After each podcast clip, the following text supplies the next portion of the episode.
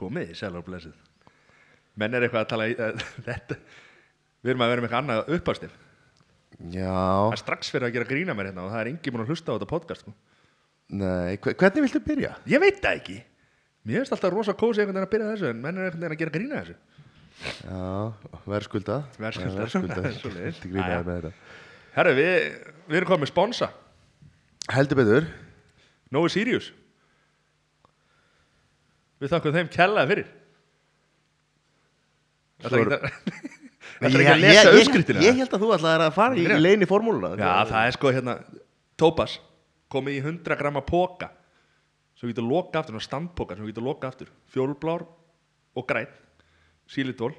Þetta er gamla góða tópas sem komið aftur sko. Það er ekki Það er ekki sko. Við erum ánægð með það. Já, já. Herri, svo erum við hérna með fagmat Fagmat, hvað gerir þær? Fagmat, hérna, uh, rakamælir uh, ástandskoðar og gerir hérna kostnæðarállun til dæmis ef þú allar er að fara í eitthvað stórtverkefni Þú ert að tala um Sima Smið Ég er að tala um simasmið og, og hérna uh, sérstaklega ef að fólk er í fastegnafleggingum og er að hugsa um að kaupa fastegn þá hérna er, er að mínum að þetta er nöðsilegt að fá fagmann til þess að, að hérna, ástandskoða og, og hérna, gefa grænt ljós eða Hann er líka með Snapchati hann að Simi Smiður. Og þar er maður að sjá alls konar djöfissi sviðbjöðumæður miklu eru ógiðumæður Hann er það er ríkalegt. Herru, svo er það 250 litir. Steppið málari. Alliða málinga hérna, þjónusta og, og því líka fagmar Mínum Meistari, mati- meistari. Hann er Málarameistari, Hann er þetta málarameistari og mínum að langmyndalasti málari landsins. En hér í stúdiói YouTube Jón, hann mætur, velkomin. Komið sælir. Hvað segirðu? Akkur í YouTube Jón? Það er nú vegna einstaks áhuga á, á YouTube eða þú varpið á íslensku. Já, þú varpi Já, eða þú varpið. Já, er það þitt orð eða er, er það búin að fara í gegnum Árnarsdóttur eða? Nei, Árnarsdóttur Það var, það var einhver, einhver vittlýsingur á norðan er að vinna með sem að byrjaði með þetta sko held ég, veist það fyrir ekki að léli þýðing en, en uh, gaman að hendi í þetta sko. En þú ert í vinnu sér Já, já, já, ég, Ég held að allir þinn tími færi bara í, í YouTube. Já svona aðalega sko. Já, en inn á milli að þá Það er að skapa þarf maður tekjur. gera eitthvað sko. Já, maður þarf að vera með áskriftar netin og svona þegar ekki að vera á YouTube sko. Já. Og svo ég meina Pepsi Maxi er ekki frýtt sko. Pepsi Maxi er ekki frýtt Nei. Þetta er ekki auðlýsing en mögulegu lýsing. Mögulega. Mögulega. Já, já, hvað hérna, já. En akkur í YouTube, hvað, horfður þið mikið á YouTube eða hvað? já, þetta, þetta er svo sem sko ég er nú bara svona nokkuð venlilegu maður sko en, en en með þetta rosa kósi að fara á YouTube að þess að skoða og, og ég sopna nú yfir þessu svona flest kvöld að horfa eitthvað velvalið sko. Ok. Og maður svona, þú veist, velur sér alltaf eitthvað. Og hvað ert að velja svona, hérna, já, til dæmis núna er ég mikið að horfa á Everest. Everest. Fólk sem er að klífa Everest og þá er maður bara eitthvað að pæli því og svo uppfyllist maður einhverjum haug af gagslausum upplýsingum um Everest sem að poppa svo upp úr mér svona þá og þegar sko. Sástu myndina sem Baltasar leistir í? já, já, hún var, hún var ansi skemmtileg sko. Bara fyrsta sem ég hugsaði, mann ég er nú, nú kvíðasúlingur sko þetta var fyrsta bíómyndi sem ég fór á eftir svona mjög langt kvíðadíómil ég mæla ekki með því sko. Það, þetta var ekki myndin í það sko. En allavega, fyrsta sem ég hugsaði bara hvaða hálfviti er að borga hérna cassillion dollars fyrir að láta teima sig upp þetta fjall þar sem fólk dó bara í hrönnum eins og moskítoflugur sko. Hvað eru margir Íslendingar búin að fara hann upp? Vitið það? uh, allavega hana tveir það er hérna uh, Pólfarinn Já, Haraldur var það með P eða B ég man aldrei ja. allavega hana Pólfarinn og hérna uh, svo hún hérna Vilborg. Vilborg, Vilborg, já. Hún komst hún á toppin eða? Af því að það var hérna Já, hún- Það voru snjóflóð, þú þurfti að gera og Ingólfur hérna, eh, já, Ingólfur er ekki búin að fara upp á topp Nei, já, Vilborg er búin að fara og hérna Svo fólk, sem- fólk sem ég þekki sem er að fara bara upp í grunnbúðina Það er, það er eitthvað 5.000 metra hæði eða eitthvað Það eru, ég held að grunnbúðuna standi í 15.700 fettum eitthvað sluðis. Já. Meðan að fjallið sjálft er 36.000 minni mig. Fett, og enn í metu Uh, 8.500 held ég. Hvað er það grunnbúðunar í? Grunn, uh, uh, grunnbúðunar. Já, Uh, ég, ég bara kann ekki að konverta því en, en húst, allavega. En það má þó að þetta sé kannski ekki, næstu því helmingur þá má kannski ætla að erfiðasti hlutinu kannski eftir þeirra það er vantilega erfiðar eftir því sem að þú fer lengra upp bæði brattara og minna súrefni og hættulegra og allt það. að, að, ef þú myndir fara upp í þyrlu uh, og fljúa bara frá sjáamáli og upp á topp eða sem þú bæði og gætir ekki í þyrlu því að svo þund loftið að þá myndir þú deyja innan nokkra mínuna það er svo þund loftið að- já líka með það er náttúrulega aðlast já, það er vegna sem að fólk gerir það aðlagast með því að fara alltaf herra og herra og herra Þetta er bara eins og með köfun sko. Já, þegar þú fer niður til þess að fá ekki köfunveiki þá þarf þetta að fara hægt upp. En svo eru er það sérpar Sérpar. það er það fólk sem er alveg upp í hári hæð og á auðveldra með að aðlaga sig. Já, en fólk fer sér ofar og fer svo aftur niður og svo aftur upp. Já, til þess að líka með ná að byrja að framlega meira af rauðum blóðgónum til þess að flytja meira súrunnitt í hjartans. Sérparnir eru búin að fara upp bara þrýsa fjórusnum þegar þú ert að rétta hérna. Já, í raun og veru sko. Er, Þeir ber allt upp og þetta er svakalega veist, það, það, er, það, það er sagt svona veist, í dag að nánast hver sem er geti klifið veist, þannig. Nei. Nei, ég er að segja, veist, nánast hver sem er. Þú þarf ekki að vera ykkur ofurmaður Já, bara maður í góðu formi ok. þá getur þú klifið everist Já, af því að þú ert með svo mikla utan að koma til aðstóð Þetta var að ert að segja að þetta hafi verið miklu verra áður. Já, erfiðara. Miklu er vera En fór hann ekki upp á topp hérna þú voru alveg stólur með nafni á hann hann tók það upp og hann var að klífa var ekki að klífa þessar helstu tinda uh, Íslendingur og veist, hann átti skilningsríka konu hún hérna var bara heima ólétt og með öll börnin og, og hérna hann var að Ertu ekki að tala um Harald Pólfaraða? Nei, miklu lengra síðan Haraldur Pólfari var að klífa Everest. Þetta var bara nú Já, nýlega. já, já. Bara innan við með ár sko. Og svo var, var það þýlíkt afreiki honum sko en hann var alltaf með mann á kamerunni sko. Það var enginn að fagna honum sko en hann lappaði sömu leið með myndalinn á bakinu sko. Já. Það Hvernig var þetta? Var þetta þe- Þetta er ekkert svo langt síðan. Nei, nei, hann bara kláraði þetta fyrir uh, hálfu ári eða ári síðan. Þetta drepa okkur að vera aðeins hérna upplýstir að hérna eh, ja. Já, já, það, það er bara og það er Þetta var nú svona smá hlýðaskref. Já. En svo er hérna Næst á dagskrá er hérna K2 fjalli Það er, það er næst hæðsta fjalli heimi. Þú ætlar að fara í það? Að það, skoða Já, það? er næst dagskrá. Það, er, hérna, það er miklu erfiðar að klífa það sko. Nú Já. Það er miklu tæknilegra. Við getum ekki farið þar upp sko. Já, ok. Ég held að sé alveg fullt af ástæðum hérna, fyrir því að við komumst ekki upp. Það er, það er ekki tæknilega sko. Nei. Ég, Sæður, hvað er hérna, ein spurning? Skjótu, Hvað heitir þessi þáttur? þessi þáttur? Þau eru ekki að kynna okkur eða eitthvað? Jú, jú. Þetta eru, þetta eru spekaða spjall, nei, spekinga spjalla myndi ég Ok. Næsti bæri við. Og ég heiti Sæþór. Ég heiti Matti. Bara veist til að koma sér frá skilur við einhvern veginn Það er ekki allir færdin að þekkja okkur strax sko. Nei, nei, við bara, það var svo gaman að YouTube var mættur og við bara Já, við bara okkur dýrðum okkur í þetta. Já, Þannig að þú ætlar að fara í K Hvað eru? K2. Nei, K2, K2 já. já. K100.5 Frekar lélegt nafn Everest.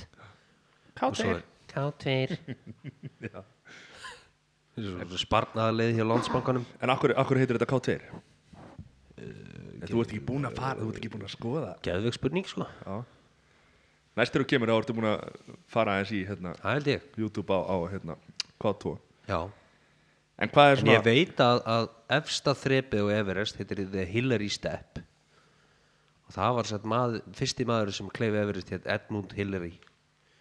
Þetta þrepar skýrti höfuðu á honum Já.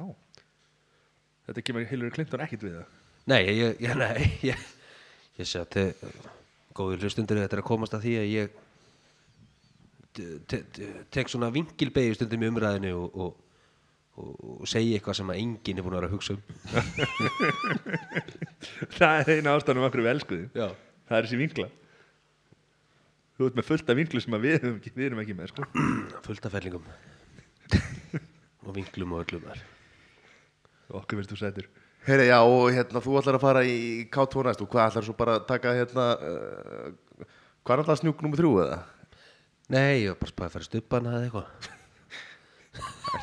Nei, ég segi svona ég, Þetta kemur bara en Veist, hefur ég- einhvern ég- áhuga á því að fara upp Everest eða er þetta bara áhuga á YouTube eða?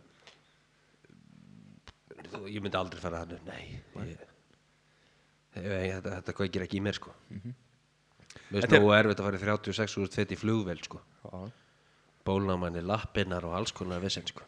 En það er samt súrefni og allir pakkin þar sko. Ert ekki bara í flugsokkum eða? Nei, úst, það er, ertu með svona þröngum sokkum Já, En það er allir sokkar, svona þröngi sokkar á mér. Þannig að ég er alltaf í flugsokkum. En hvað hva tekur tekur langa tíma í svona verk eins og Everest? Hvað hva, hva er þetta nokkri dagar er þetta einhverju mánuðir eða hvað Þetta er bara rosalega mismunandi sko. Hvað er, Bara stærsta, hvað er svona stærsta verkefni sem við farið í svona, hvað er hérna lengsta viðfangsefni ef maður á að kalla það það? Já, það sem hefur svona lengst og, og, og alltaf einhvern veginn lifað hefur verið vittlisann sem er í gangi í vísindakirkjunni. Já, Scientology. Ok. Já ertu, þú ert skráður í hana? Já, það má segja það sko Ha?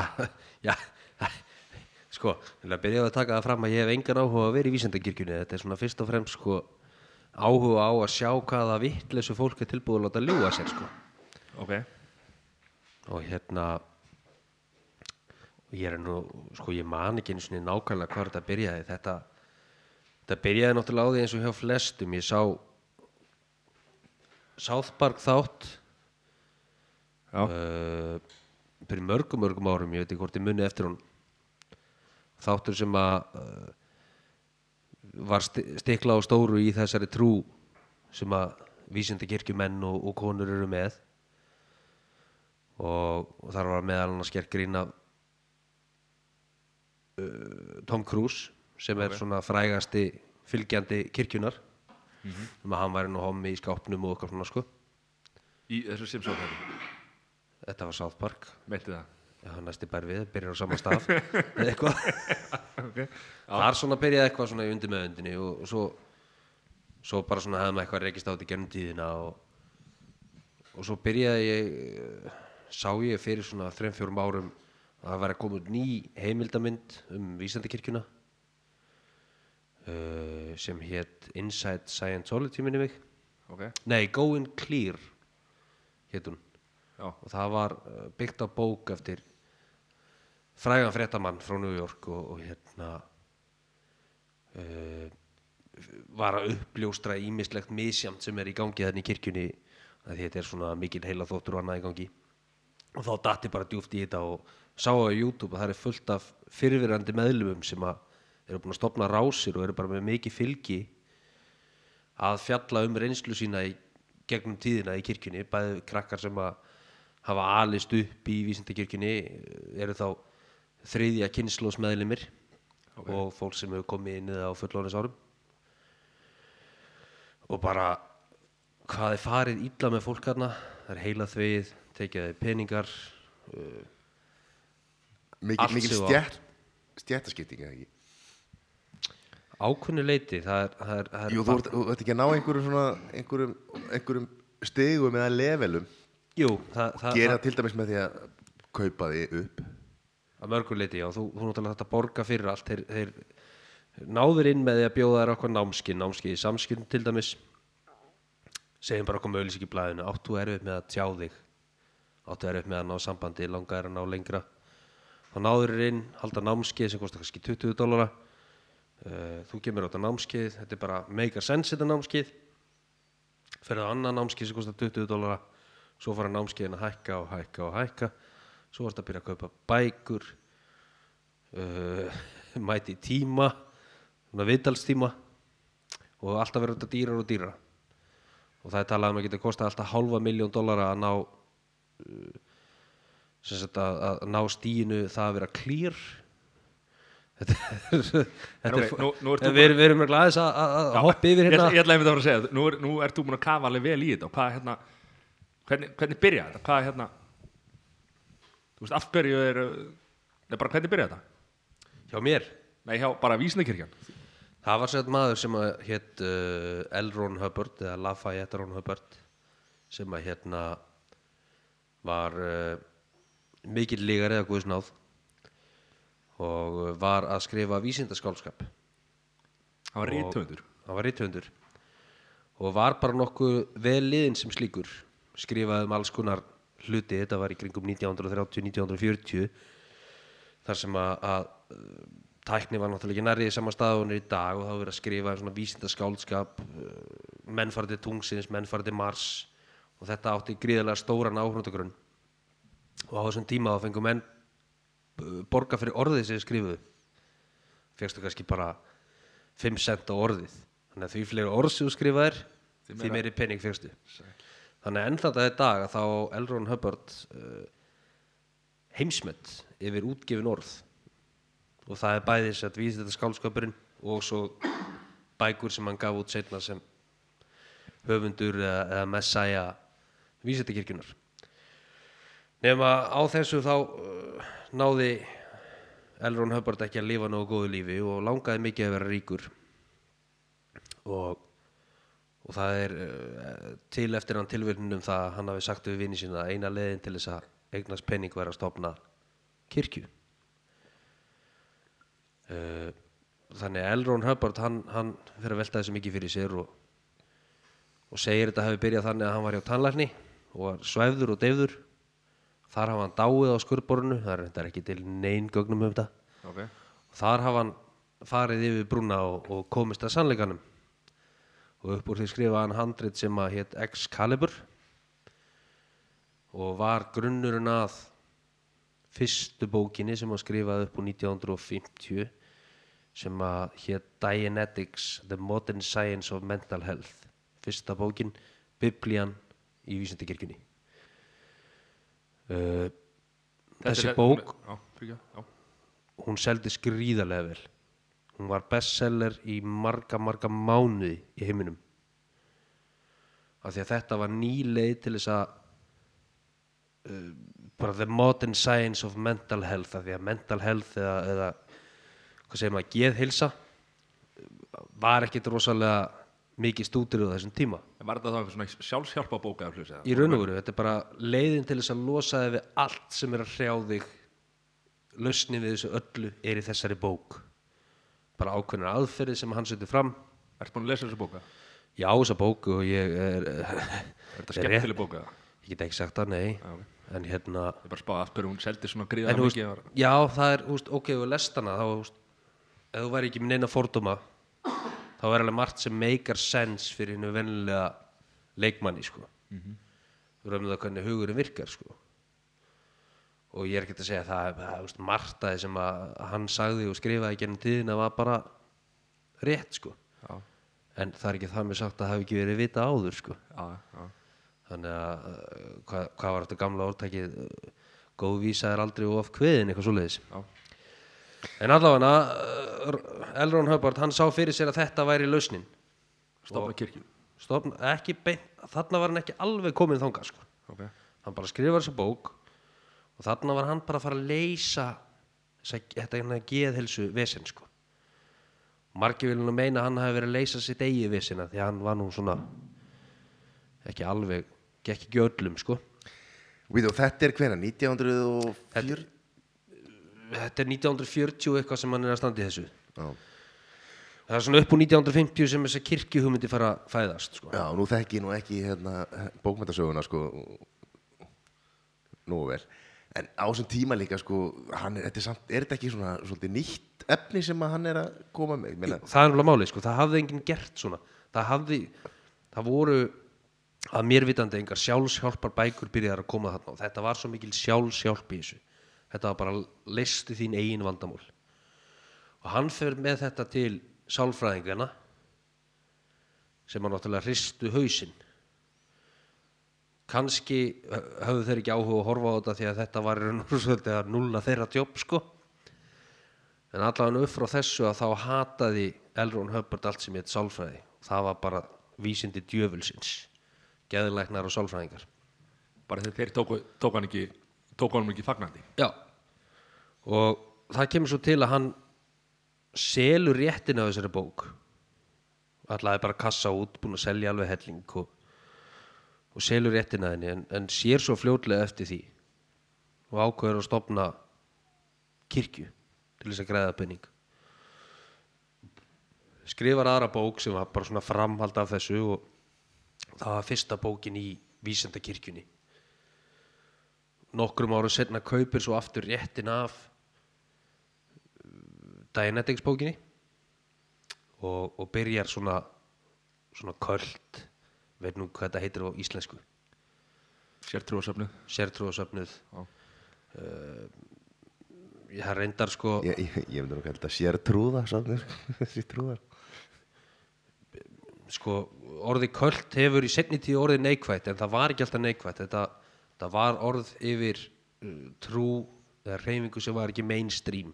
Já, ekki endilega hún væri eitthvað slæm en hún, hún er ekki mainstream þannig að ég meina fullt af trúm og, og, og, og, og svona hópum sem að eru óheðbunir en er ekki endilega slæmir fyrir neitt sko nei, nei.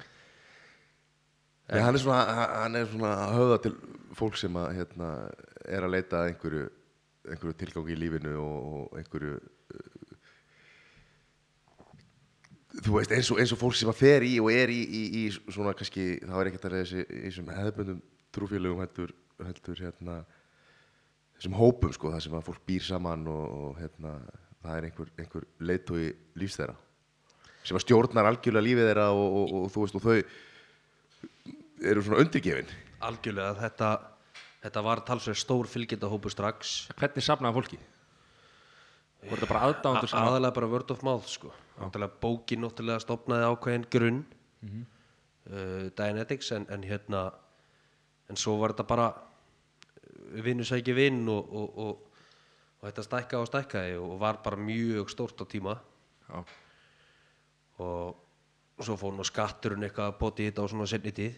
Og ég mæli með þá sem að að því er ekkert allt og mikið um þetta þennan tíma á netinu.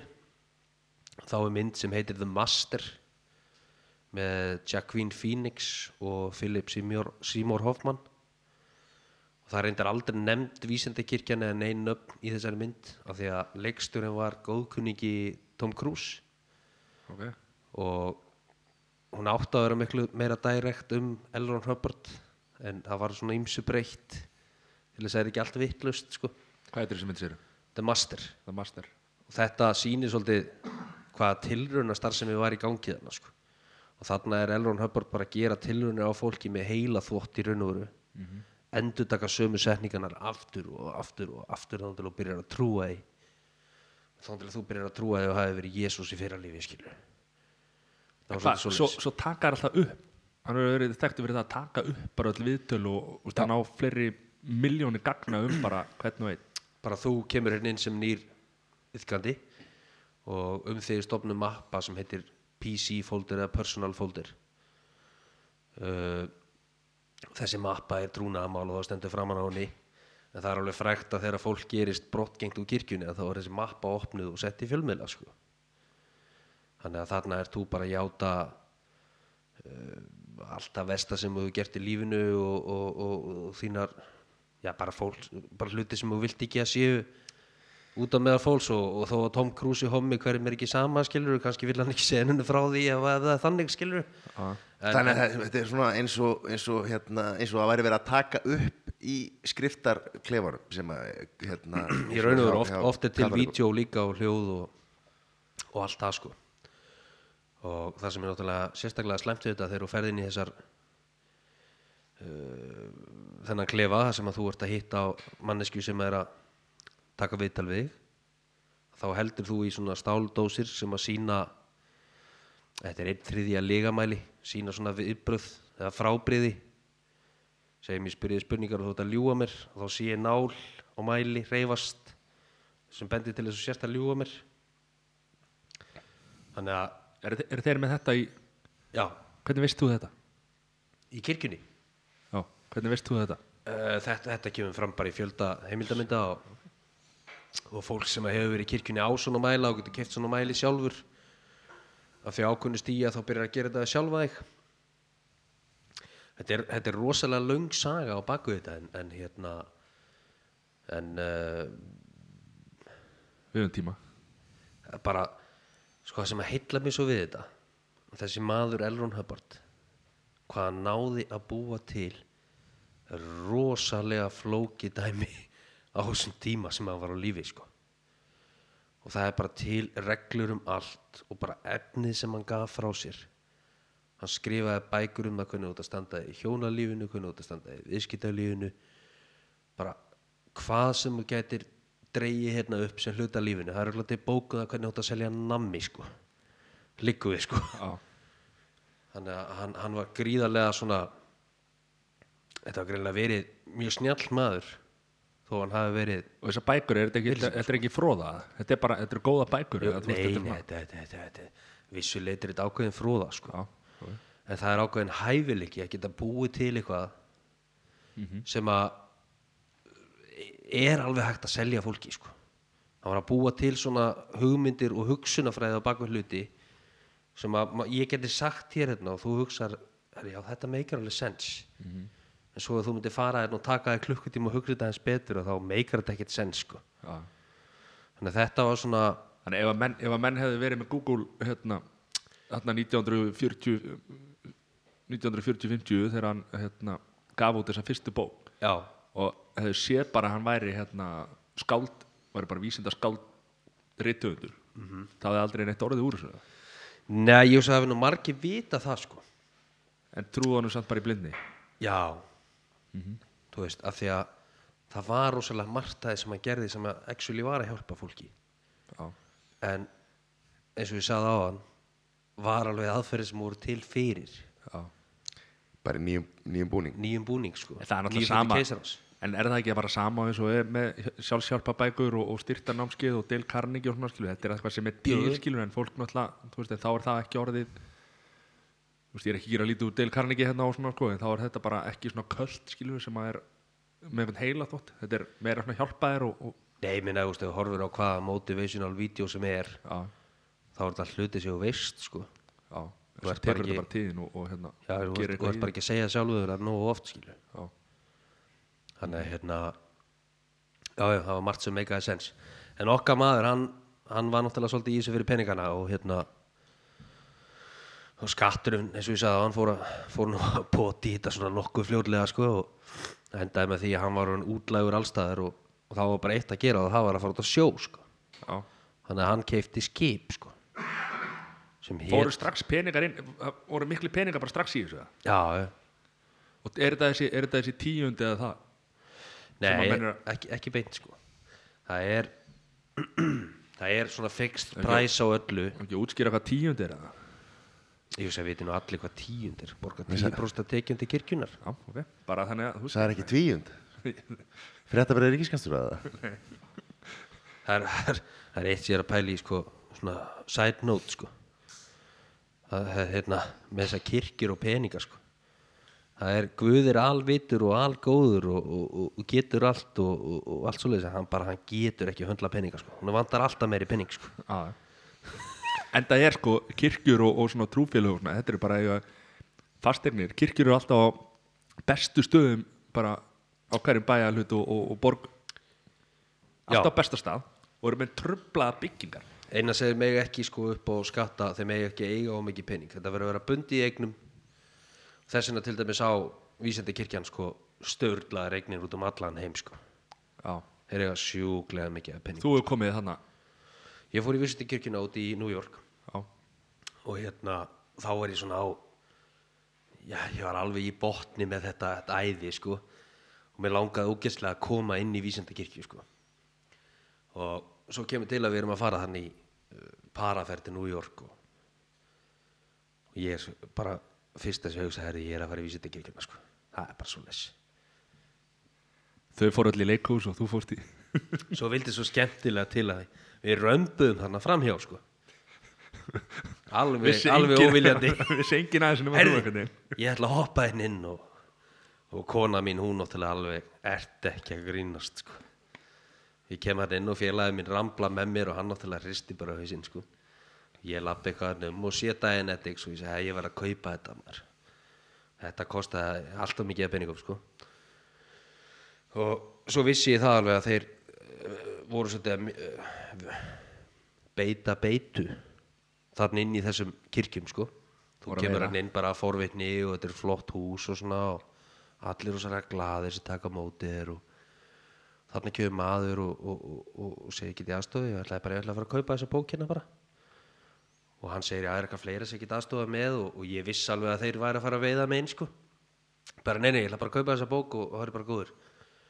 Og þá segir hann já, flott úlpa maður ég bara, ok, ég var svona Kanada góðsúlpu sko. Svona tveim númurum og lítil hljópið þótti eða eitthvað. Og hérna, hann sagði ég á alveg eins úlpu. Ok. Gekk ég sagði svo, svo var hann einhvern veginn aldrei að koma með posan sko. Já. við hérna, hvað hva, hérna býrðu hérna? Nei, við erum bara í heimsón hérna frá Íslandi. Já, ok. Hérna og hvenær hvenær ferðu heim? Ég sagði ég bara að fara heim eftir nokkra daga. Já, ok, herri, við erum með námskeiðin í kvöld. Kemst í kvöld eða? ég bara, nei, við erum að fara út að borða og hvað, nei, ég hef engan tími að já, en, en á morgun? Nei, ég, nei, nei, það er alveg bara að plana útferðina sko, ég kemst ekki, sko. Svo ég held hann bara áfram, herri, jú, bara getum bara bara, hvenær getur þú komist, hvenær getur þú komist? Við getum bara komið með þér út að borða. Já, þú veist, það bara lág við, sko. Bara kottu, þetta kostar bara 25 dólar mættu hérna, við erum með hérna communication námskið. Hversu mikið langaði þið til að gera þetta? Mér langaði svolítið mikið, sko. Nefnum bara félagið mér var hann að banki mig bara, nei, þú ert ekki að fara, sko, þú ert ekki að Ég, er fara. ég hef verið með þér erlendis YouTube-jón Já, og það, þú verður rosa gjarn á það er auðvitað að platta þig já, já, það er, ja, það er nú bara því maður vill láta plata sig, sko. það er svo Sem er fíla það, sko. En það, þannig ert þú búin að kynna þér þetta að horfa á uh, fjöldan allan af upplýsingaefni og heimildamyndu vantarlega og eitthvað slíkt um, um hana. Þú, þú vissir alveg hvað hva vísindakirkjan var þegar þú rambar að eininnan Já, já. Ég vissi alveg hvað þetta var, en, en einhvern veginn þá, þá langaði mig svo að prófa þetta first hand, sko. En þannig erum við konum svolítið langt á undan hérna hvað gerist með skattin og, og, og bátin og þetta hvernig hérna, við förum aðeins í gegnum bara söguna hjá Vísindakirkjunni, hvað hérna Já, við erum náttúrulega að fara bara út á sjó og af því að skatturinn fór að nýsast í þeirra Já, af því að hann átti á mikið af peningum, var að hann byrjar að fjárfest í eignum og, og hérna já, ákveðinu leiti að hann var búin að kaupa þarna stóra, stórt land og eign í, í hérna, Breitlandi sem heitir Saint Hill og er ennþá svona hvað maður að segja, musteri þeirra. Bara svona fyrstu höfustöðunar og hérna er hann breskur er, er hann Nei, amerískur. Okay. og hérna hafa búið út í svona frá bandaríkjunum á þessum tíma sko, þannig að hann fótt til Berlands og, og þar var alltaf fólk í námi sem að bara borga skilur fyrir námskeiðin sín og bækurnar og það bara malað inn penningum skilur og fólk svona hér og þar í heiminum. Ástralja hefur alltaf verið mjög stórt land hjá Vísindakirkjunni. Og svo þegar koma hann að sjóin að þá fer þetta meira það var búið að vera mjög frjálslind svona fyrst til að byrja með og þetta fer svona meira að breytast í alvarlegri tón hann út að sjó. Og vera svolítið meira bara eins og í hernum sko. Svo átti með þess á tímalínunni. Hvenar er, hvaða á hvað áratugu þetta? þetta er bara allir sé ekki snemma á, á, á, á sjöunda áratunum þannig að- þetta er kringu 1960 og 2-3 eitthvað svo liðis þú er bara fletti upp að kanni ok þetta er, þetta er rosalega áhugavert hvernig hérna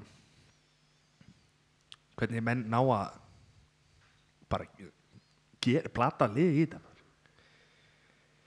Þetta er náttúrulega bara eins og, eins og með hérna fullt af öðrum, það er fullt af öðrum hópum sér bara eins og í bandaríkjörnum skilur, fullt af fólki í, í sértrúasöfni já, já. en þetta er kannski eitthvað sem að náði svolítið mikið til svona fræks fólks og efnas fólks. Hvernig náður fræga fólkinu inn í þetta? Sko, Elrond Hubbard áttaði sér snemma á því að hérna að mestu peningarnir væri hjá frægafólkinu og ekki bara það heldur áhrifin sko. mest auðlýsingi líka. Já, stanslös áhrif þannig að hann laði mikla áherslu á það að veiða inn leikara og þessar kenningar sem hann var að kenna höfðu það að mörguleiti til leikara því þetta snýrist mikið á hvernig þú átt að bera þig og hvernig þú átt að tala og, og koma fram með fólk, halda auksambandi uh, vera svona alfa á staðnum. Þannig að það hendaði leikurum og tónlistamönnum og fleira mjög vel sko. Og hún tekst nokkur snemma að ná í nokkru frægum en, en svona fyrsti stóri bitin var John Travolta. Já, hún njáði John Travolta inn og, og, og var held ég bara nokkuð eftir sko grís og svona sem að hann kemur inn og tala bara hátundi ferilsins. Og svo í setni tíð er það Tom Cruise. Og báðir svona John Travolta náttúrulega við erum það gamlir að við munum eftir þegar John Travolta var í annar ykkur í bíómynd þú veist og svona fyrsta. Myndin sem var svona niðurfalli var hérna Face Off með Nicolas Cage. Var þetta er geggið sko en það var svona vísirinn af því sem koma skildi sko. En hérna, Já, og var það svo Battlefield Earth þarna sem fór alveg með þetta eða? það var einmitt sko skrifað eftir uh, hérna bók sem að Elrond Hubbard gerði. Já, og þetta var rosalegt fagnaðarefni í vísindakirkjunni sko þegar þessi mynd kemur sko. En, en svo en þetta í var, átt- þetta var rosalega vond mynd Var það ekki? hún var mjög slæm sko. Og þetta var þeir afnetuðinni þeir sáu þú veist bara fullklóraði mynd sko. En ég var afneta áður en hún kom út sko. Þetta átti að vera alveg svakalegt sko. Og bókin var vist bara góð sko. En myndi var ekki góð sko. Þetta var uh, 1967 held ég sem við fórum út að sjó. Ok, við erum konin aftur á okkar við, við, við erum alveg út á þekju hérna Já, ég veit og það, ég veit það. Þetta, þetta er svo löng saga Já, góðu. og, og, og góði lustendur fyrirgefið okkur að þetta, við erum ekkit rosalega vanir sko. Nei, við, hérna, hvað, þú getur talað fyrir sjálfaði með það, en ok Já, þú veist, ég er ekki vanur sko. Þannig að ég er svolítið út um allt sko. Já, það er allt til að En ég vona að sé að ná að kveikja áhuga einhvers á þessu efni sko. Já, af því að því fleiri sem að vita um vittlisuna sem er í gangi þarna því, því hérna betur gengur að, að, að, að drepa þessi samtök. Þú vilt það? Já, Já, Það hefur mikið gerð síðustu tvö ár eftir að hérna, Lea Remini sem er leikið hérna, King of Queens. já. Förum aðeins yfir það örlítið setna er hérna, ok, þeir fóru út á, hérna, út á sjó. Já, Og það hver- var einmitt lagi hérna á sjó að samið um það. Það er svoleiðis. Nei. Og hérna, en hvað er hérna Hvenær komið þessu aftur, eða hvað voru þeir að gera út á sjó bara á alþjóðlegu hafsvæði þar sem náðu þau Já, og þar voru ja, aðali Elrond Hubbard. Samtökin voru allt í lagi. Það var bara hans eður voru En eftir hvað, var það e- eftirlýstu fyrir skattsvik eða hvað? Já, þannig að hérna og ég held að honum hafi verið bannað að koma inn í Bretland aftur. Ok, þannig að hann var ekkert sérstaklega vinsæl sko. Og hvað voru þeir lengi út á sjó? Bara mjög lengi sko. Það, það vissi enginn að því að hann hefði komið aftur í land sko. Bara hann kom í land og, og dói í bandarækjunum en hann var bara í felum. Já, ok, Þú veist, hann var bara raun og verið í felum hann frá 1967 sko. Ok. Þannig að þetta er mitt, eins og ég sáði með myndina The Master þetta, það útskýrir svolítið þetta sem var í gangi sko. Og hvernig þetta líf var. Þú veist, það var bara alltaf að koma nýtt og nýtt lið um borðið skipið skilur og það var bara þarna uh, í sinni pílagrimsferð að vera með manninu sem að var að skrifa stöffið og hann leka á alls ótti þarna á- á kvöldin mikið brennivín og mikið vesen sko. Og hérna en hann var, þarna var hann bara komin í fangilsi bara sitt eigið fangilsi, skilur í raun og veru sko en lifið samt konga lífið sko. Já, en, en uh, algjörlega fangi sjálfsins ef svo má segja sko. Og sennilega verið mjög andlega veikur. Já. Hjælt hann áfram að skrifa þannig, eða hvað? já, ég skrifaði bara til döða dag sko. Já. þannig hérna Og svo deyr hann Og hvað er hérna? hann deyr þarna 1984 held ég. Og þá upphefst mikil valdabarátta innan kirkjunar og uppi stendur sá kandidat sem að flestum hefði þótt ólíklegastur sem heitir David Meskevich. Ok. Ómentaðu drengur. Sem bara byrjaði í kirkjunni 14 eða 15 ára. Hann var búinn að vinna sig upp. Búin að vinna sig upp og, og var orðin svona útsendari hjá Elrond Hubbard sjálfum. Já. en það var fullt af mönnum sem að voru voru miklu hærra settir í kirkjunni sem að gerðu tilkall til þess að leiða kirkjunni áfram.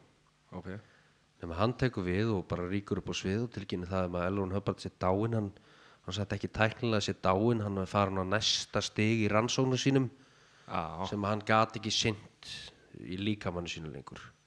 Þegar líkaminn hans var orðinn of veik burða til þess að hann geti tekist á þess að gríðarlega erfiðu rannsóknir. En sannleikurinn var sá að hann hérna var búinn að reykja þrjá bakka kamelfíltislausum á dag allir sína tíð og dóu úr blóðtapa. Og hérna en þá var til ekki að segja fólki það sko. Hann var náttúrulega ódöðl, ódöðlegur þannig að hérna hann tekur við og, og, og þarna fer kirkjan að mala ennþá meiri peninga því að hann var og er mjög snjall í að uh, endur nýta efni sem að Hubbard skrifjar. Það hefur ekki verið skrifa blað að Hubbard dó sko. Og þeir eru ennþá að býða eftir að hann komið tilbaka sko í næsta líkama En þessi gæi er ennþá með hann er hann er ennþá bara Yfir vísindakirkjunni í dag. alráður í viðsettakirkjunni og hann er meðal annars búinn að missa pappa sinn út í kirkjunni sem er að tala á mótunum uh, það var engin sér konuna sem mörg ár. Uh, hann er besti vinnu Tom Cruise. Þeir eru á húslifi hlið nokkur stöðum í heiminum. Og það er mjög háir orðumar um að hann berji fólk bara sem að mótmælir hún og hann lætur fólk dúsa í prísundum mánuðum saman til þess að brjóta niður vilja þess. Okay. og Elron Hubbard var slæmur en, en, en David Meskevits hann er ennþá, ennþá verri. Af því að veitan er að verja spilaborg. Af því að núna er komandurinn ekki ennþá á svæðinu. Ekkert nýtt efni þannig að einhvern veginn verið hann að selja fólkinu í gamla efni aftur og aftur og aftur. Og hann er alltaf að segja að hafi fundið eitthvað secret efni einhver staðar og komið í ljós að allt efnið sem að fólki á búið að kaupa og læra var ekki rétt. Það mistókst í endurprentun eða mistókst í endurritun. Þannig að það hafi ekki verið rétta efni og fólk þurfa að byrja upp og nýtt. Já, ok. Þú veist, og það er fólk sem fer bara aftur og aftur herði, já þeir, þeir miskildu höppart með þetta ég, ég þarf að taka þetta aftur nokkuð einn að segja bara að það byggist all, að það hefur þá allt verið byggt upp á einhverjum miskilningi eða rángfæslum það má segja að þetta hafi bara verið einn stór miskilningur og svo var líin bara orðin svo stóra að það, það var ekki hægt að bakka út af runni sko. En veistu hvað eru margir í vísindakirkjunum í dag? þeir segja þessu miljónir Í vísindakirkjunni? já, en fólk segir að raun, raunhafa tölu séu kannski hvað í kringum 200.000 Já. Sem er fáralegt og pælir í byggingunum og dótinu sem þeir eiga sko. og þetta er allt byggt á sjálfbóða vinnu fólk sem að lifi bara þarna í, í, í kóju vistum og, og hérna fær eitthvað lámarsfæði og eitthvað lámarstekjur af því að reglunar um trúfjölögu eru svo rosalega sveigjarlegar það er ekki lámarstaksti sem þeir þurfa að borga sko. Þannig að bara að því að þeir eru trúfélag þó að margir vilja meina að þeir eigi ekki vera það að þá komast þeir upp með alls konar villisu og það er svolítið skemmtileg sá að baka það þegar þeir fengu hennan tax exempt status. Eða sem þeir eru ekki, ekki að borga skatt Uh, það sem þeir hafa gert mikið í gennum tíðina er svona terrorisera þá sem að uh, mótmæla þeim. Og skatturinn neitaði mörg ára viðkynna á sem trúfélag. Það sem ég gerði þá að þeir byrjuðu að, að láta meðlimi og engaspæðara elda starfsmenn skattsins í bandaríkjónum og ráðstefnur og svona ná myndum af mönnum að fara með ekki konunni sinni upp á herbyggi og, og hitt og þetta og svo byrjuðu bara að blackmaila og alveg hægri en vinstri. Er þetta ekki ástæðan okkur að hann náði völdum í vísindakirkjunu hann hérna? David Miscavige. Nei, það, þetta er ekki fyrir en sko 94 sem hann gerir þetta? nær þessi gegn sko. Og þeir bæði beittu fjárkúun eða, eða blackmail og svo voru þeir líka að fara í málaferli gegn einstöku starfsmennur ríkiskastura í, í bandarækjánum með ARS og það endaði bara með þeir gá eftir út af þessu. Ok. En nú er, nú er mjög slæmar sögur og, og, og eins og varst að, varst að koma inn á áðan hérna, hún hérna King of Queens, hvað heitir hún? Hérna, Lea. Lea. Nú er hún búin að vera bara á því líku sko bara hva, hvað sem er, hún er bara búin að vera í öllum sjónvarsviðtölum og öllu að drölla yfir þetta og segja þetta sé algjör viðbjöður og, og allt í rugliðarna sko, hvað, þú veist, gefur út hætti sem að hún fjallar um, um vísindakirkjuna og, og, og hérna hvers, hversu slæ, slæmur hérna uh, hversu slæm áhrif þetta hefur bara á fólk og, og hérna og Fjölskyldur. tek, tekur fyrir svona meðlimi og steinn og einn í hverjum þætti og, og það er mikið grátið og, og, og reyðið upp sko.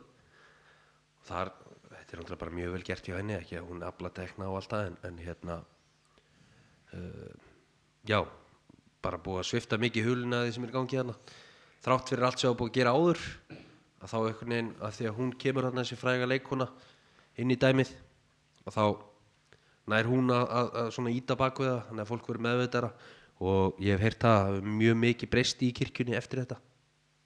Til þess betra þá eða? Já, en hvað með he, ha- hefur aldrei farið fram í ofnir rannsóknir eða eða neitt? Af því að nú eins og þú segir sko nú er að koma svo mikill fjöldi af fólki sem að er farið úr kirkjunni. Er, hefur lögreglan ekkert verið að rannsaka einhverja sögursættir um, um, um ymmit þetta að hann sé að leggja hendur á fólk og, og ymmit er með þau í nokkuð skonar ánuð það hefur ekkert svona halbært sko en úst, margir búin að reyna. En á sínum helstu stöðum eins og í Flórida að þá eru flesti lörglu þjónunni sko að vinna um helgar sem öryggisverður hjá vísindakirkjunni sko. Þetta er allt saman veist. þeir eiga svo ógeðslega mikið af peningum. Og þeir leggja svo mikið af peningum til samfélagina þess að þeir búa að það er bara rosalega erfitt að ná í gegn að fara upp á mótið. Og ef þú fyrir málafelli við þá þá þarf þú að eiga bara sanda sælum ef þú ætlar að fara í gegnum það.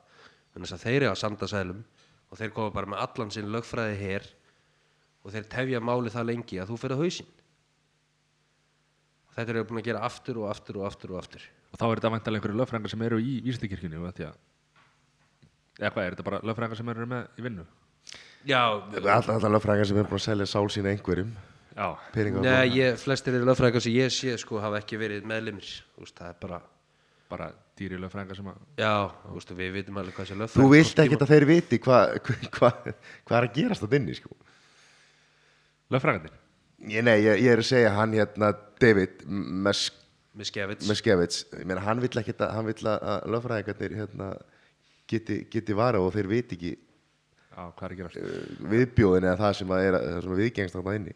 Það er svona það dæmi sem hefur gengið lengst í, í seinni tíð, það var uh, stelpa sem heit Lisa McPherson og hún var í vísættakirkjunni og, og missa allt sambandi fjölskylduna sína. Nema einn daginn er hún pikkuð upp í Flórida af lauruglunni alls snakkin út af götu bara að snappa sko. Og það er farið með hana upp á spítala og hún er bara veik á geði og vanærð og alls konar vilja nema vísetta kirkja fær veður að þessu hún er meðlimur. Þá fara menn frá kirkjunni með plagg sem hún hefði undirritað að ef hún lendir á spítala sem hún gæti ekki tekið ábyrð á sjálfur sér og þá meittu þeir taka frá henni þess að taka hana að sér í raun og veru. Og í bandaríkjónum verður þannig held ég sért settur á 72 tíma byði út í sjálfsvíkshættu eða, eða bara talið úr sért van heil á geði en nema þeir fá hana uh, áskrifaða til sín svo maður segja uh, fara með hana á hótelherbyggi og byrja að beita aðferðum sem að Elrún Hubbard var búin að kenna þeim að beita í þessum aðstæðum og læsa hana bara inn á hótelherbyggi þá þar átti hún bara að jafna sig út af einhverju og svo kom einhverju hitt hana við og við. Og nema að hún var náttúrulega bara geðveik og, og, og það var ekki hægt að hjálpa henni með þessum aðferðum sem að og veru gögnuðist ekki neinum og hún borðaði enga mat og hendaði mig hún dó. Og það er svona næsta sem eitthvað komist nálætt í að, að hérna uh, fella kirkjuna á þessu máli en, en það endaði sem að því að um var samið eitthvað sem engin veit einhverja bætur til fjölskyldunar sko. Máli bara látið niður falla. Já. Þeir eru nú bara drápana sko. En nú er, komst aðeins inn á hérna, ég hlusta á podcast átt hérna með Joe Rogan þegar pappans hérna kom í já, David Miskevits já, sástu hlustaður á það? Já, ég er búinn að hlusta marga þetta með honum hann eh, heitir hérna Ron Miskevits hann þurfti að hérna flýja. flýja, það var rosalegt atriði þegar Já, og það var lögga náði tveimur engaspæðurum minna gæðsalaba sem voru með fullt skott af opnum sem voru að njósna um gamla mannin það er sonurinn hefði látið hann vera að fylgjast með honum sko. Eftir á þá. Já. Hann vil bara, honum er alveg sama sko. Sér David. Pabbanum? nei, stráknum sko að hérna þó að sé búin að missa pappa sinn og, og Já, hérna, var ekki já. mammas og, og sískinni líka og eitthvað. Skiptir engum máli sko. Þeir líta á sig sem eilífa sál og það er engi foreldrar og sískinin í því dæmi þau eru bara döð fyrir honum. Já, núna allan að þeirra já, En er það ekki skilir því að, að hérna, þú þarft að takmarka eða, eða hætta að hitta fjölskyldur ef, að- ef, að, hérna, ef að þau eru ekki í kirkjunni? ekki beint. Eh, það er aðalega ef að þau eru sko mótfallin. Af því að þú ert í þessari viðtalsmeðferð og þá er einhver veit kirkjan allt um lífið þitt. Þannig að segjum að fóldra þínir væri mótfallin því að þú væri í þessari kirkju þá kemst kirkjan að því í gegnum viðtalstímana. Það er alltaf verið að spyrja er ykkur í kringu þig sem að finnst vísindakirkjan ekki vera aðeinslega og frábær og þá segir þú já, er hérna, mamma mín hún, hún er ekki alveg að fíla þetta sko. Og þá segja þér, annarkort verður þú að láta mömmuðin að fíla þetta eða þú hættir að tala um mömmuðina og þú reynir að tala um mömmuðina og hún er ekkert að breyta sinni skoðun. Og þá endar það með því að þeir svona láta þig innan gæsalappa að skrifa mömmuðinni bréf bara um að þú ætlar ekki að tala við hann aftur út af því að hún fíl ekki trúna þannig að ekki tventaði sem gerist annarkort mammaðin þá bara að fíla trúna eða eins og gerist í flest tilfellum það bara rofna samband sko. þannig að það er gríðarlega mikið af fólki í vísindakirkjunni sem að er búið að glata sambandinu við fjölskyldu og vini sko. þannig náður þeir náttúrulega að halda þér fastri Já, af því að það sem er undir er framtíð mannkynsins af því að stefna kirkjunar er að gera alla vísindakirkjutrúar meðlimum uh, og þín eilíða framtíð því þú ert eilíf sál og án hjálpar kirkjunar þá mun eftir döðaðin sáliðin læsast staðar í einhverju hildýpi og þú kemst ekki tilbaka í næsta líkafa. Þú talar um þetta sem þú trúir sko. Nei, veist, þetta er sko, þetta byrjaði að setja á því. Að þetta var fyrir einhverjum kessiljun árum var heimur mikið eins og okkar heimur mikið eins og bandareikin voru 1950 sem vildi svo skemmtilega til var þegar Elrond Hubbard að skrifa bókina sko. og það var overpopulation það var of mikil fólksfjölgun og það var það að gera eitthvað. Og þarna nær völdum maður sem réði yfir sem heimi sem heit Sínu og þessi Sínu hann ákvað að taka miljóni fólks miljardafólks og flytja það í burtu frá þessum heimi í flugvélum eða geimflugvélum sem svipaði til og voru nákvæmlega eins og DC-8 flugvélar. DC-8 flugvélar voru satt staðlaða flugvéli 1950 þannig að hugmyndaflugi var ekki meiri það það var bara búið að breyta DC-8 flugvél í geimflugvél. Okay. og þeir fljúa til jarðarinnar og fleia þessu fólki út úr DC-8 flugvélinni ofan í eldfjöll eldfjöll sem bæði vegi voru ekki til staðar fyrir öllum þessum árum en leggjum það þess til hliðar. Uh, og þessi líkamar þeir detta á þessi eldfjöll og brenna þar og uppstíga sálir þessa fólks. Miljardur miljardar fólks. Þetta var hver ólugu fjöldi. Og þessar sálir það reyfuðu um jörðina alla tíð og eru ennþá reyfandi jörðina. Og þú ert eina af þessum sálum. Já, ok.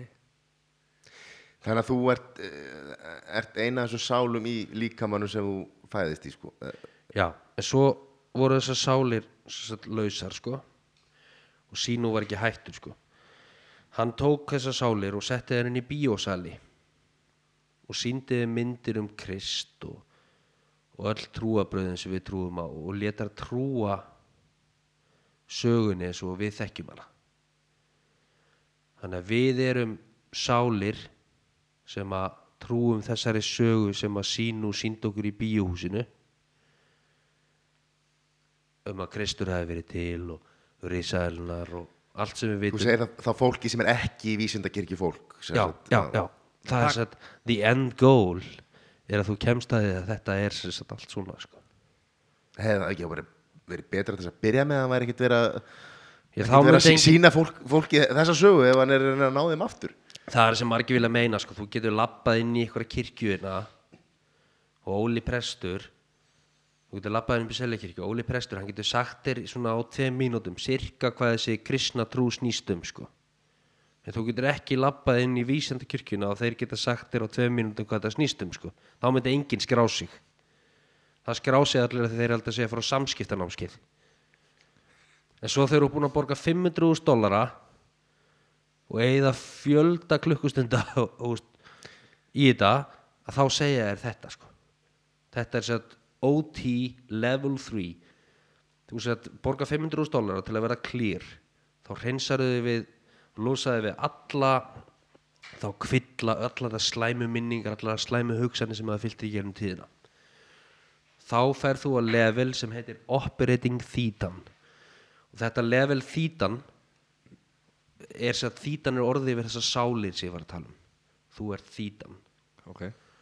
Og operating þýtan þá ertu orðin clear og þá áttu að fara að geta tekið skrefið átt að því að vita sannleikan sko. og svo er level 1 til 8 höfbar dó, dó í 8 sko, þannig að það er ekkert lengra. Í level 3 þá fær það að heyra sín úr söguna Sem að þú varst að gefa okkur hérna bara frít Takk Já. fyrir það Það er vel gert þér. Já, þú veist, Já, þú veist sigur, sem hefur ok, það var komið í- hei, heimur svolítið mikið þessu okkar DC-8 flugular, bíóhús Já. þarna væri bara svona allar bjöllur að ringja sko Mhm. en þarna ertu stattur bara 5, 6, 700 úr dollara in deep sko hvað ætlar að gera? og trúir ekki neina öðrun um að þetta sé bara rétt og Já. ert með einhver önnur þetta er bara þriðasti sko af átta þannig að þú ert náttúrulega vera áfram til þess að sjá hvað Já. fyrst í þér sko Já.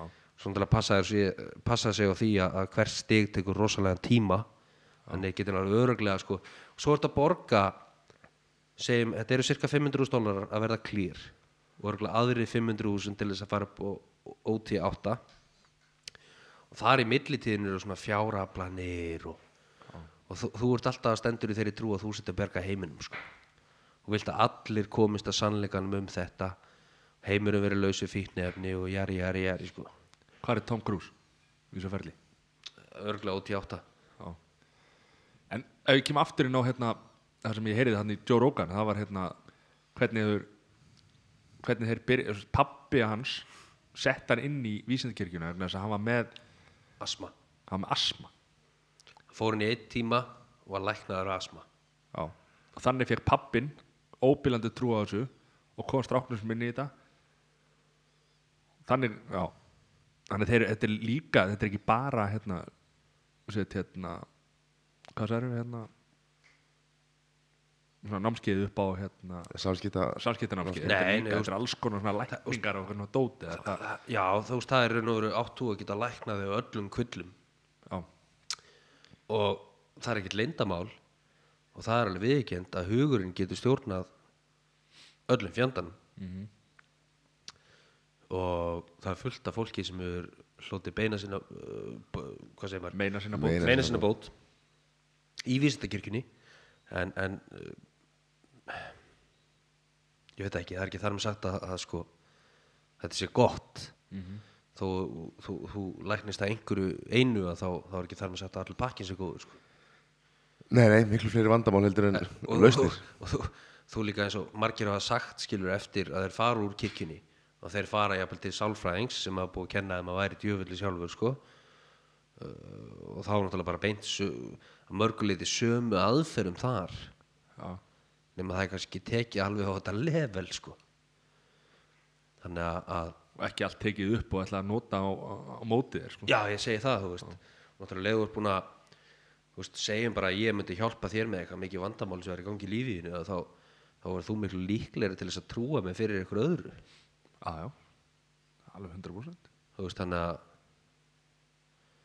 það er oft góð leið til þess að komast inn á fólk að það er að, að, vinna sér inn tröst og svo misnota sko. Við ætlum að ekki að mæla, mæla með því að fólk sé að koma sér inn á fólk hérna með Nei, nei, þú veist, maður er bara að segja þú veist, Ég er að lesa það er að taka dæmi allstaðar af úr lífinu skilur.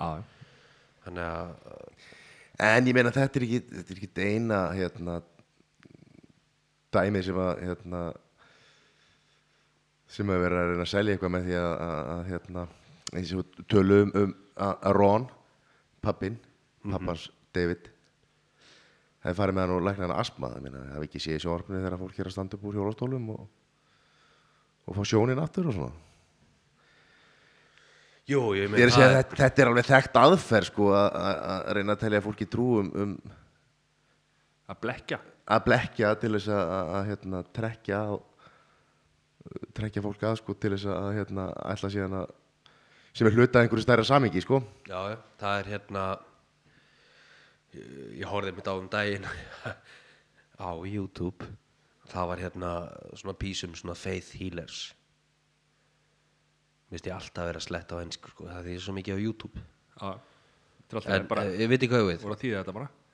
Þetta er bara fólk sem að læknar læk, trúar heilendur. Já, já, heilendur hins uh, heilaga. Já, núna nýlegt dæmi hérna í, í Indlandi einhver gúrú hérna sem að var að vera að dæma svo, svona, að með minnir fyrir e, e, kynverðisbrott það voru bara fjöldamótmæli fólki í, í, í söfnuðinu hjá honum.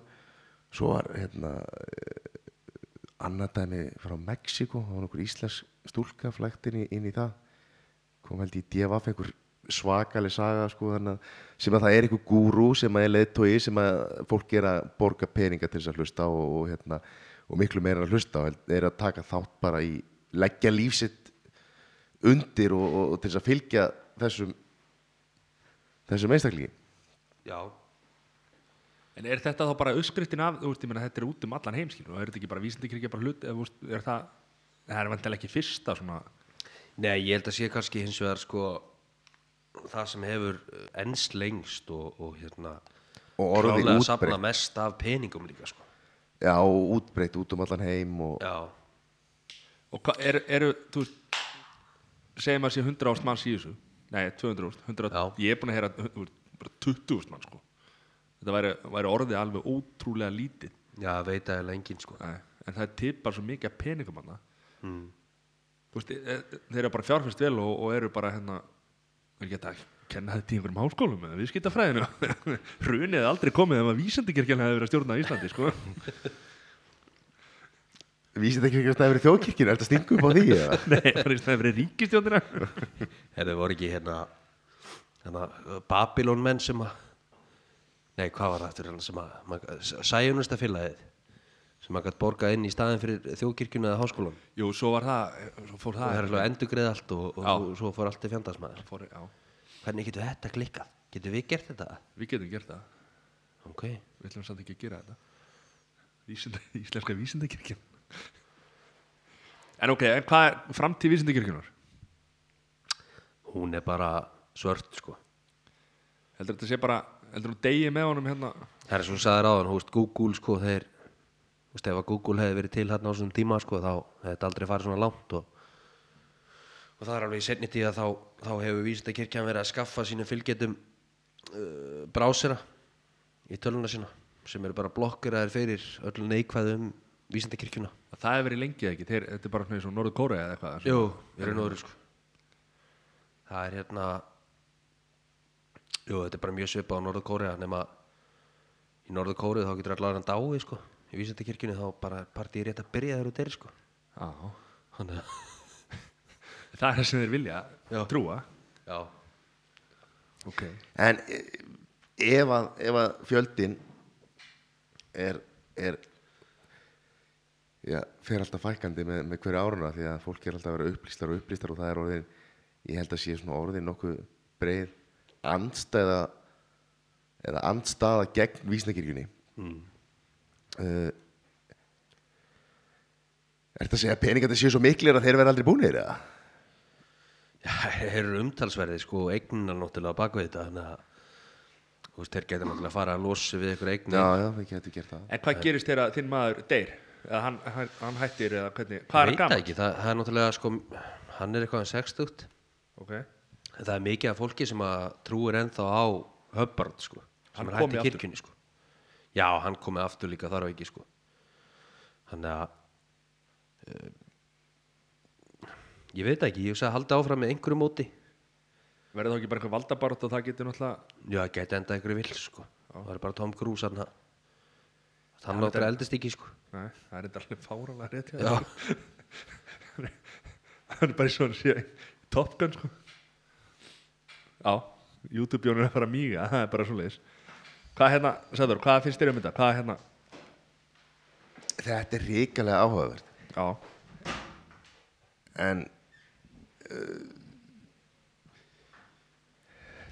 maður sér þetta samt þú veist, þó að vísindakirkja sé svona rosalega ábyrrandi og, og hefur verið síðustu, síðustu árin sko að þá þá er þetta bara hluti að miklu stærra vandamáli sko sem að er, er, er að það er alltaf eitthvað fólk sem að er að reyna að nýta sér nýta sér annað fólk annarkvort til fjárhagslegs ávinnings eða, eða til þess að hérna þú veist vera einhvers konar leiðtói sko já. Það er allir að leita sér að sko einhvern veginn auðvelda lífi, sko. Er það ekki? Þú veist, það er leiða þetta fólk, er, þú veist, eins og góði predikarar og svona gott fólk sem er hérna, þeir ná, einhvern, ná þér einhvern veginn og þú, þú bara trúir því að lífið þetta eftir að vera betra og, og, og þú borgar þetta og þetta og þetta þá áttu eftir að hafa rosa næs og þetta og þetta og þú veist, er ekki allir að leita að einhverju, bara einhverju undankomuleið og þetta er oft fólk sem líður kannski ekki vel er, Ertu þá að tala um fólki sem að, sem að fer síðan í þessa fylgjendunir fylgjendur? Já, það er náttúrulega bara fólk sem er að, að leita einhverju lífinu. Já, já. og hefur kannski lent í áföllum og, og, og hérna, þú veist, er að leita sér einhverjum, einhverjum tilgang eða þetta er og youtuber að tala um á hann hérna, hann, hérna þú veist, þetta er hann er komin áttur velkomin. Já, hérna þetta er og, eins og hann var að tala um á hann hérna, ég man ekki hvað ég ætla að segja mér hann skutin já, hvað, hérna Þannig að þú segir að framtíðin er svört og, og eigum eftir að sjá uh,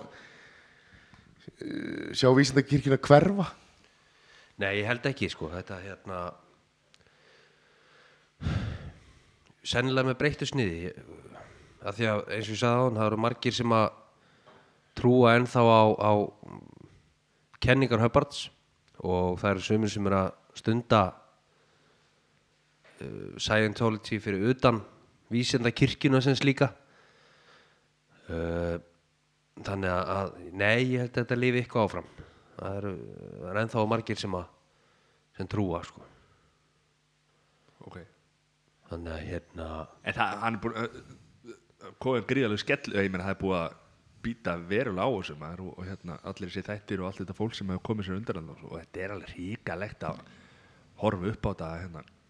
Held, heldur betur en það er samt alveg ótrúlegur fjöldi fólk sem ennþá segir bara þetta sé bara David með skefits þú veist, er ekki endilega á móti kenningunum heldur bara hvernig kirkjan er reikin Já, hann sé móti kallin og er- þetta sé bara út af honum sem að sé bara hann sem er að gera þessa skilur þó þetta hafi verið byrja löngu áður og í sannleika sagt er þetta bara ein vitleysa að þá eru ennþá það margir sem að trúa held ég því leið og hann færi og þá gæti dæmið að snúist við aftur.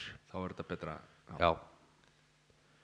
Þannig að það er hann að sem ég trúi sko. Ég, Ég er bara að blanda mér í þess að baráttu þarna þegar hann Nei, bara Það verður erfitt fyrir það sem að kemur og mun taka við á honum til að fara, fara hérna, endurnýta efni sem að Meskovits endurnýti og nei, nei, nei, þetta var allt saman miskilningu þetta er nefnilega svolítið óþjált nafn sko, Miss Gavins Miskevits, já, já, fyrir ekki, fyrir ekki Ég segi bara Kjallan Ketin.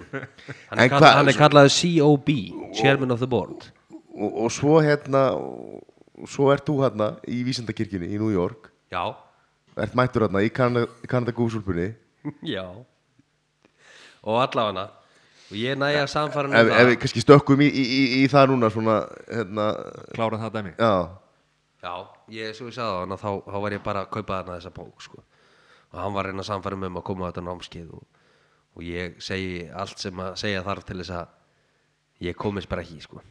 og hann sagði, herri, þú getur allavega að skrá þig í samtök vísindakirkjumanna uh, í sex mánuði frýtt ég bara, já, ekkert mál bara tilbúin að segja allt til þess að losna út sko komdu með þetta, skrifa á blað og skrifa en hún er mitt raunverulega nafni, skrifa allt annað heimilisfang og allt annað símanúmer og allt annað e-mail. Ok. Þeir fundi mig. Auðvitað fundið er því bara, þú veist, tveim viku setna var komin póstur með fréttum um alltaf jákvæða sem var að gerast. Og spyrja hvort ég vildi nú ekki örgulega kaupa lifetime áskrift af sambandi vísindakirkjumanna sem voru, ég man ekki, 5.000 dólar eða eitthvað. Gerður það?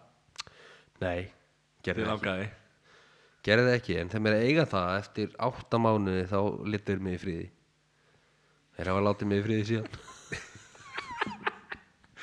Hvað, komið þetta á brefpóstur eða, eða e-mail? bara, nei, breyfustur Já, það er svoleiðis. Já, þeir fundi ekki e-mailið mitt, sko, ég setti villist e-mail. Já. Hvað er hérna Veistu hvort það sé einhverju í Vísindakirkjunni á Íslandi? ekki sem ég veit, sko. Þið það var einhver hittast frétt um daginn um einhver bónda eitthvað starfið afdölum þess að það hafi verið menn frá vísættakirkjunni að koma með trúbóð muni eftir þessu það nei nei, þetta hérna þetta er, eh, var ansi aðteglisvert sko En voru það ekki bara einhverju votta Jehóar eða eitthvað, eða hvað? Heldur það hafi verið hérna sko, það er annað þáttur sko Votta Jehóar? Já, það er nefnilega sko, það er að mörgu leiti strákar uh, engu betra sko. Nei, það er nú heldur betur verið í fjölmjölum á undanfjöldum árum, sko. Að votta Jehóar séu ekki gott eða? Já, þeir eru sko um, þeir eru alltaf mjót sko, þeir eru að taka strætó Ok. með eitthvað trúbóð þannig á mótuna sko, vaknið blaði sem þeir komið með sko Já Segir þú alltaf við þá að þú sétt bara í Vísindakirkjunni eða? Nei Þetta er, það er með mikið af þessum þáttum sem að hérna ég verið að tala um sko að þeir hérna þá eru oft sko fyrirverandi meðlimir úr vottunum og vísindakirkjunni að bera saman bækur. Ok. hvernig var þetta við ykkur? Já, já, það var svona við okkur líka. Veist, þannig að þetta er að mörguleiti svona þetta snýst svo mikið um að tryggja það að fólk fari ekki skilu Já, í burtu. Já, þú veist að því að það er einhver ákveðin trú í gangi uh, sem að kannski ef að fólk fara að kynna sér hlutina þá svona sér það kannski er ekki alveg að standast fakt sér sko. Þannig að það er alltaf verið að tryggja það að þú vitir það að fjölskyldaðin er í kirkjunni. Og ef þú ferð þá missir þú fjölskylduna. Það gengur svolítið mikið út á það. Já. Þannig að þú, veist, og þú vilt náttúrulega ekki missa fjölskylduna þina og þú ert jafnvel með vinnu innan kirkjunar og þá missir það líka og þannig að það er alltaf verið að láta það sjá þú veist sért að missa svo miklu. Þannig að það er Svo ertu bara að missa Engu. Svo Eða, veist. miklu sko ef þú ert í kirkjunni já, já, þú veist Það er svo margt annað sem þú getur verið að gera sko sem að þannig að Þetta, þetta verður náttúrulega bara lífið þitt og þú helgar þessu, helgar líf, lífiðinu í, í þetta verkefni. En ég er nú ekki að dæma fólk sko hérna, fyrir að helga lífið sínu svona trú, trú, trúfélögum og svona en það er að helviti gott eða, eða helviti vondir og ert bara í fangelsaður og með ekki gera neitt annað sko. Herði, ég ætla bara að segja ykkur það hérna ég datin á leit.keldan.is hérna fann ég kennitölu fyrir fyrirtæki sem heitir Vísindakirkjan á Íslandi. Með kennitölu frá árinu 2000 Kannastu, þú- kannastu við þetta og greiti hvort að yfirleiturinn er ekki alltaf að vera að greiða eitthvað þannig inn eða? Nei, nei. Nei Hvað er það? Æ, ég finn ekki þessa grein. Með hvað? Bóndan úr afdölum Já, kannski var þetta bara í draumi. Nei, mér nú sopnar þú alltaf út frá YouTube sko, en hvernig eru draumandi? Já, segðu þetta Þetta, þetta, já, þetta gæti að byrst með það sko. Þetta var sannlega Hvað fyrsta aprílfrétt eða eitthvað. Um vísindakirkjuna? Já. Það geti verið sko. Þessi hlátur er allir legendary sko. Jú, er, er það jú trú, Jón? Þannig að hann trúir öllu sem að jú segir, sko. það er þannig, það er þannig Nei, nei, þetta er allt svona í gó- góðu gamli gengt sko en, en, en kona minn hún er sko ekki sérstaklega reyfin að þessu Hún er ekki meðlumur, það er nokkuð. Nei, nei, hún, stu, hún, hún átta sig ekki alveg á því sko, ég er bara að fylgjast með sko og ég er svona, já en ég viðkynni það alveg stundum hef ég svona að vera að efast um sjálfa mig í þessu öllu sko en hérna, Hvernig þá? nei, ég er bara stundum verið bækja með um borsinn sko Já, væri til að vera meðlumur Nei, þú veist, já, aðalega bara til þess að svona Læra, hvað- læra samskipti og... Já, já, já, já, Svona Nei, náðir manni sko já. Nei, með, þú veist, mér er bara langa svona að sjá þetta alveg bara svona first hand, sko. Já En það er helviti hættulegt sko Já. Þessi gæðir eru mistarar í því að bara náðir sko Þeir eru það, sko. Þetta er alltaf bara sölumenn. Þetta er- sölumenn döðans Sölumenn lífsins Það er ekki eilítt líf Jú, en það er bara, þú veist, já, ótrúlegasta fólk sem þeir hafa náð, sko. Þannig að, Hvað, ok, það eru hérna Það er King of Queens leikonar hann að Lía Nei, Já. Lía, hvað? Leðar í minni. Lea John Travolta, Tom Cruise já, Það eru fleiri, það eru fleiri sem hafa verið... já, já, það er hérna meðal annars leikonan sem að ljáir uh, Bart Simpson röddina sína. Já, er, er, er hún þá ennþá meðlumur eða? Já, búin að gefa sko miljóni dollara þannig inn sko. Þannig að það er hérna mikið af, af frægu fólki og svona líka, hvað maður að segja, svona milli frægu fólki eins og Ann Archer. Kannast þið hana? Nei. Hver er það? Æ, þið myndu þekkja hann eða sæju andliti á henni. það? Við erum með podcast sko. Það er búinlega erfitt það er rosalega herfitt sko. Það er eflust, eflust einhverju sem að kannast þeirna hún er bara svona uh, frægleikuna sem leiki gegnum gegnum tíðina skilur í hinn og þessu.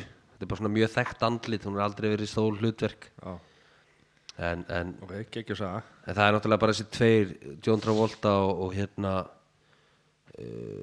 Tom Cruise. Tom Cruise sem er svona frægustu nöfnin. En svo er mjög margi svona frægir á ákveðnum stöðum og innan ákveðina hópa sko sem að við kannski endilega þekkjum ekkert sko. En hvað, er, er þá Tom Cruise og, og John Travolta að móka peningum inn í þetta eða er þetta þurfa þeir ekki að borga lengur eða? Ég, sko, ég vil meina ef að, ef að hérna, David, uh, hérna, Guetta Skevits. Ske- Mes- Mis- Miskevits ef, hann væri ekki hérna, eh, hérna alltaf að hérna, eh, taka um kverkatar á, á Tom Cruise og heimta verið peninga þá væri við ekki búin að fá allar þessar Mission Impossible myndir sko. en svo var hérna á það var líka Beck munið þetta Beck tónlistamann Já, hann er í Vinsendakirkjunni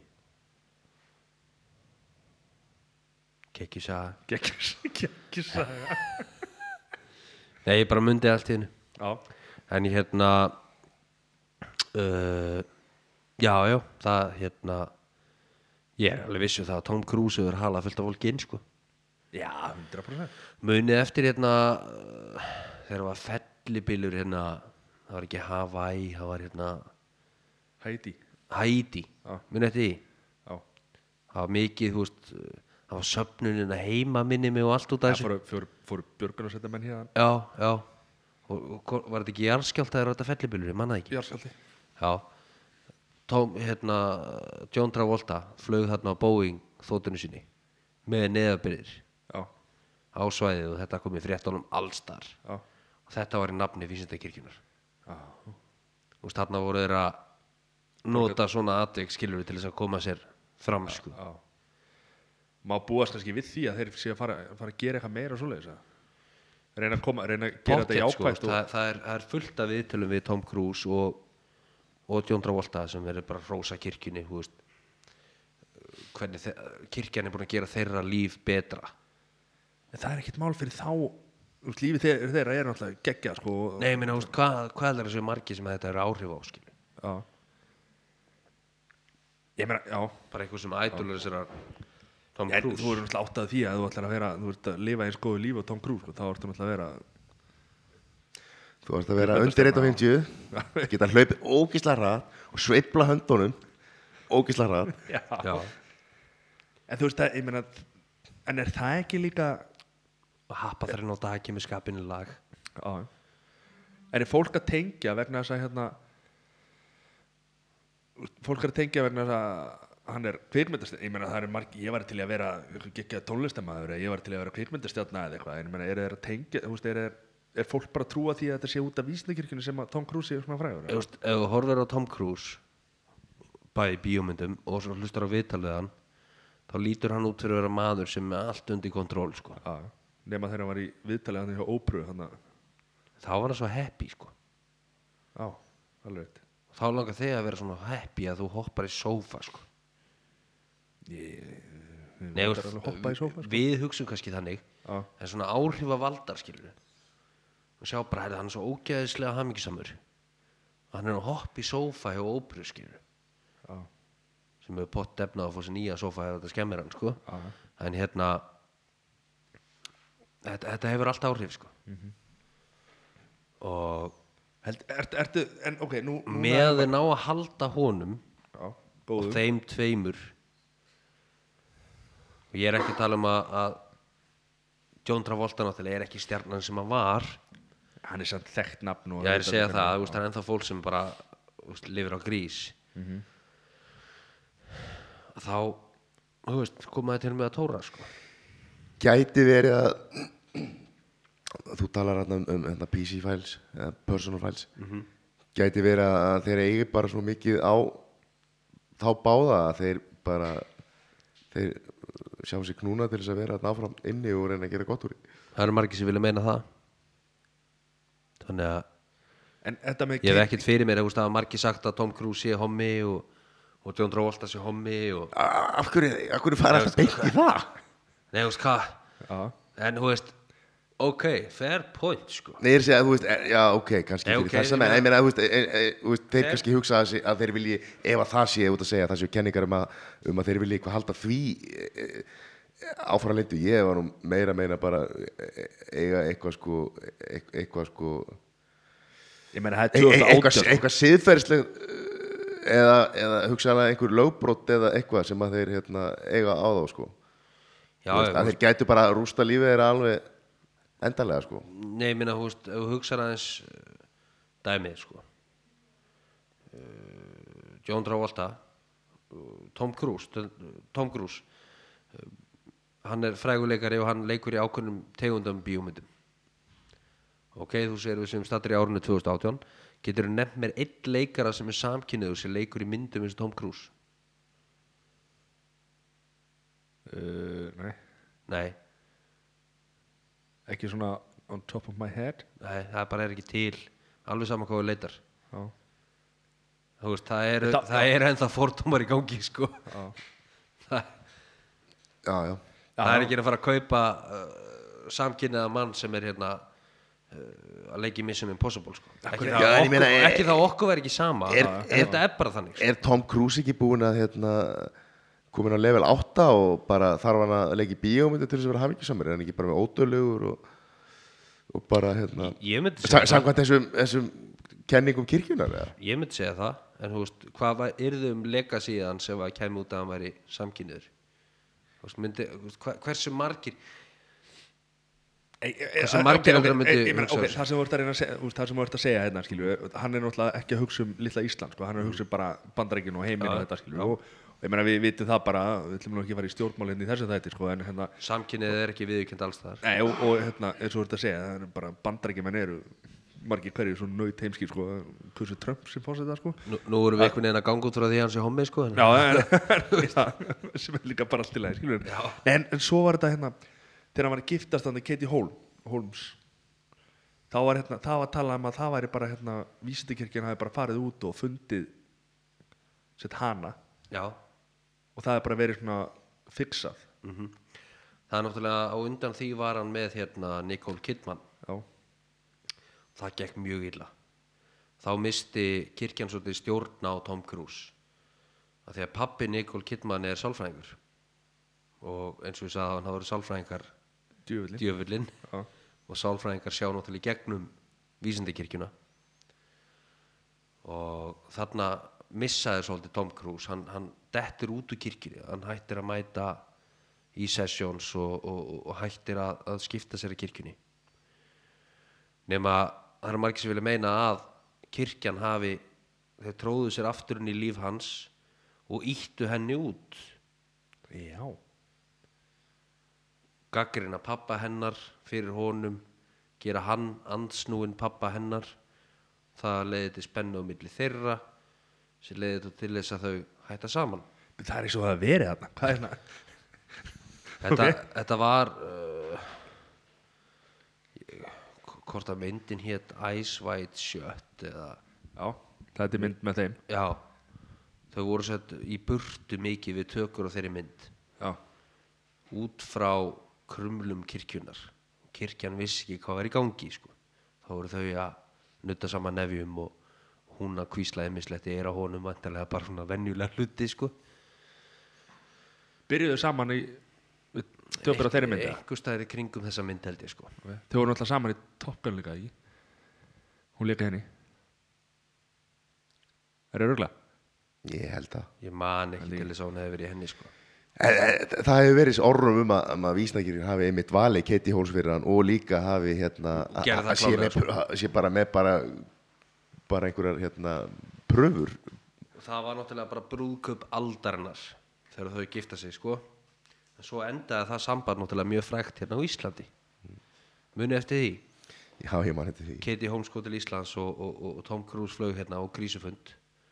Og þau voru bara hætta saman á okkur um íslensku veitingastæði hérna sem ég manni hvað heitir. Og hérna ok, svo endar þetta samband og, og, og hún fær svona talsvert forræði yfir banninu þeirra Súri og þá hefst uh, kirkjan handa mjög stíft við að finna næstu konu fyrir fyrir Tom. En hefur það verið með einhverju konu síðan eða? Nei, svona já og nei. Og þeir finna konu innan kirkjunar sem vildi vera leikona og er sennilega frægust fyrir að hafa leiki hérna ah, hvað hétt þetta þátturinn hérna Ég ætla nú bara hérna, hún var ekki Top Gun sem var gefin út 1986 en hún var í Days of Thunder sem var gefin út 1990 Já, Ég vissi hvernig kemur Ice White Shut? Það er eitthvað 95 eða Það er eitthvað að segja Já, en það er þátturinn hérna Æ, maður sem var tekinn höndum af ykkurum uh, talebunum og, og kom svo aftur til bandaríkjana og Er það að tala um hérna brjálaðislega vinsæll sko.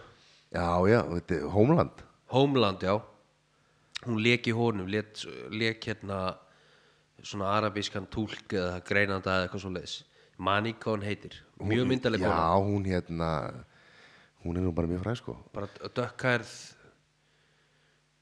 Skiptir ekki máli allavega hún lék í þessu og, og, og, og hún var valin sem maki hans. Og þau byrjuði eitthvað að deyta og svo kemur það til að, David Meskevits kemur í heimsótt til þeirra. Og hún er með mígreni og er með hausverk.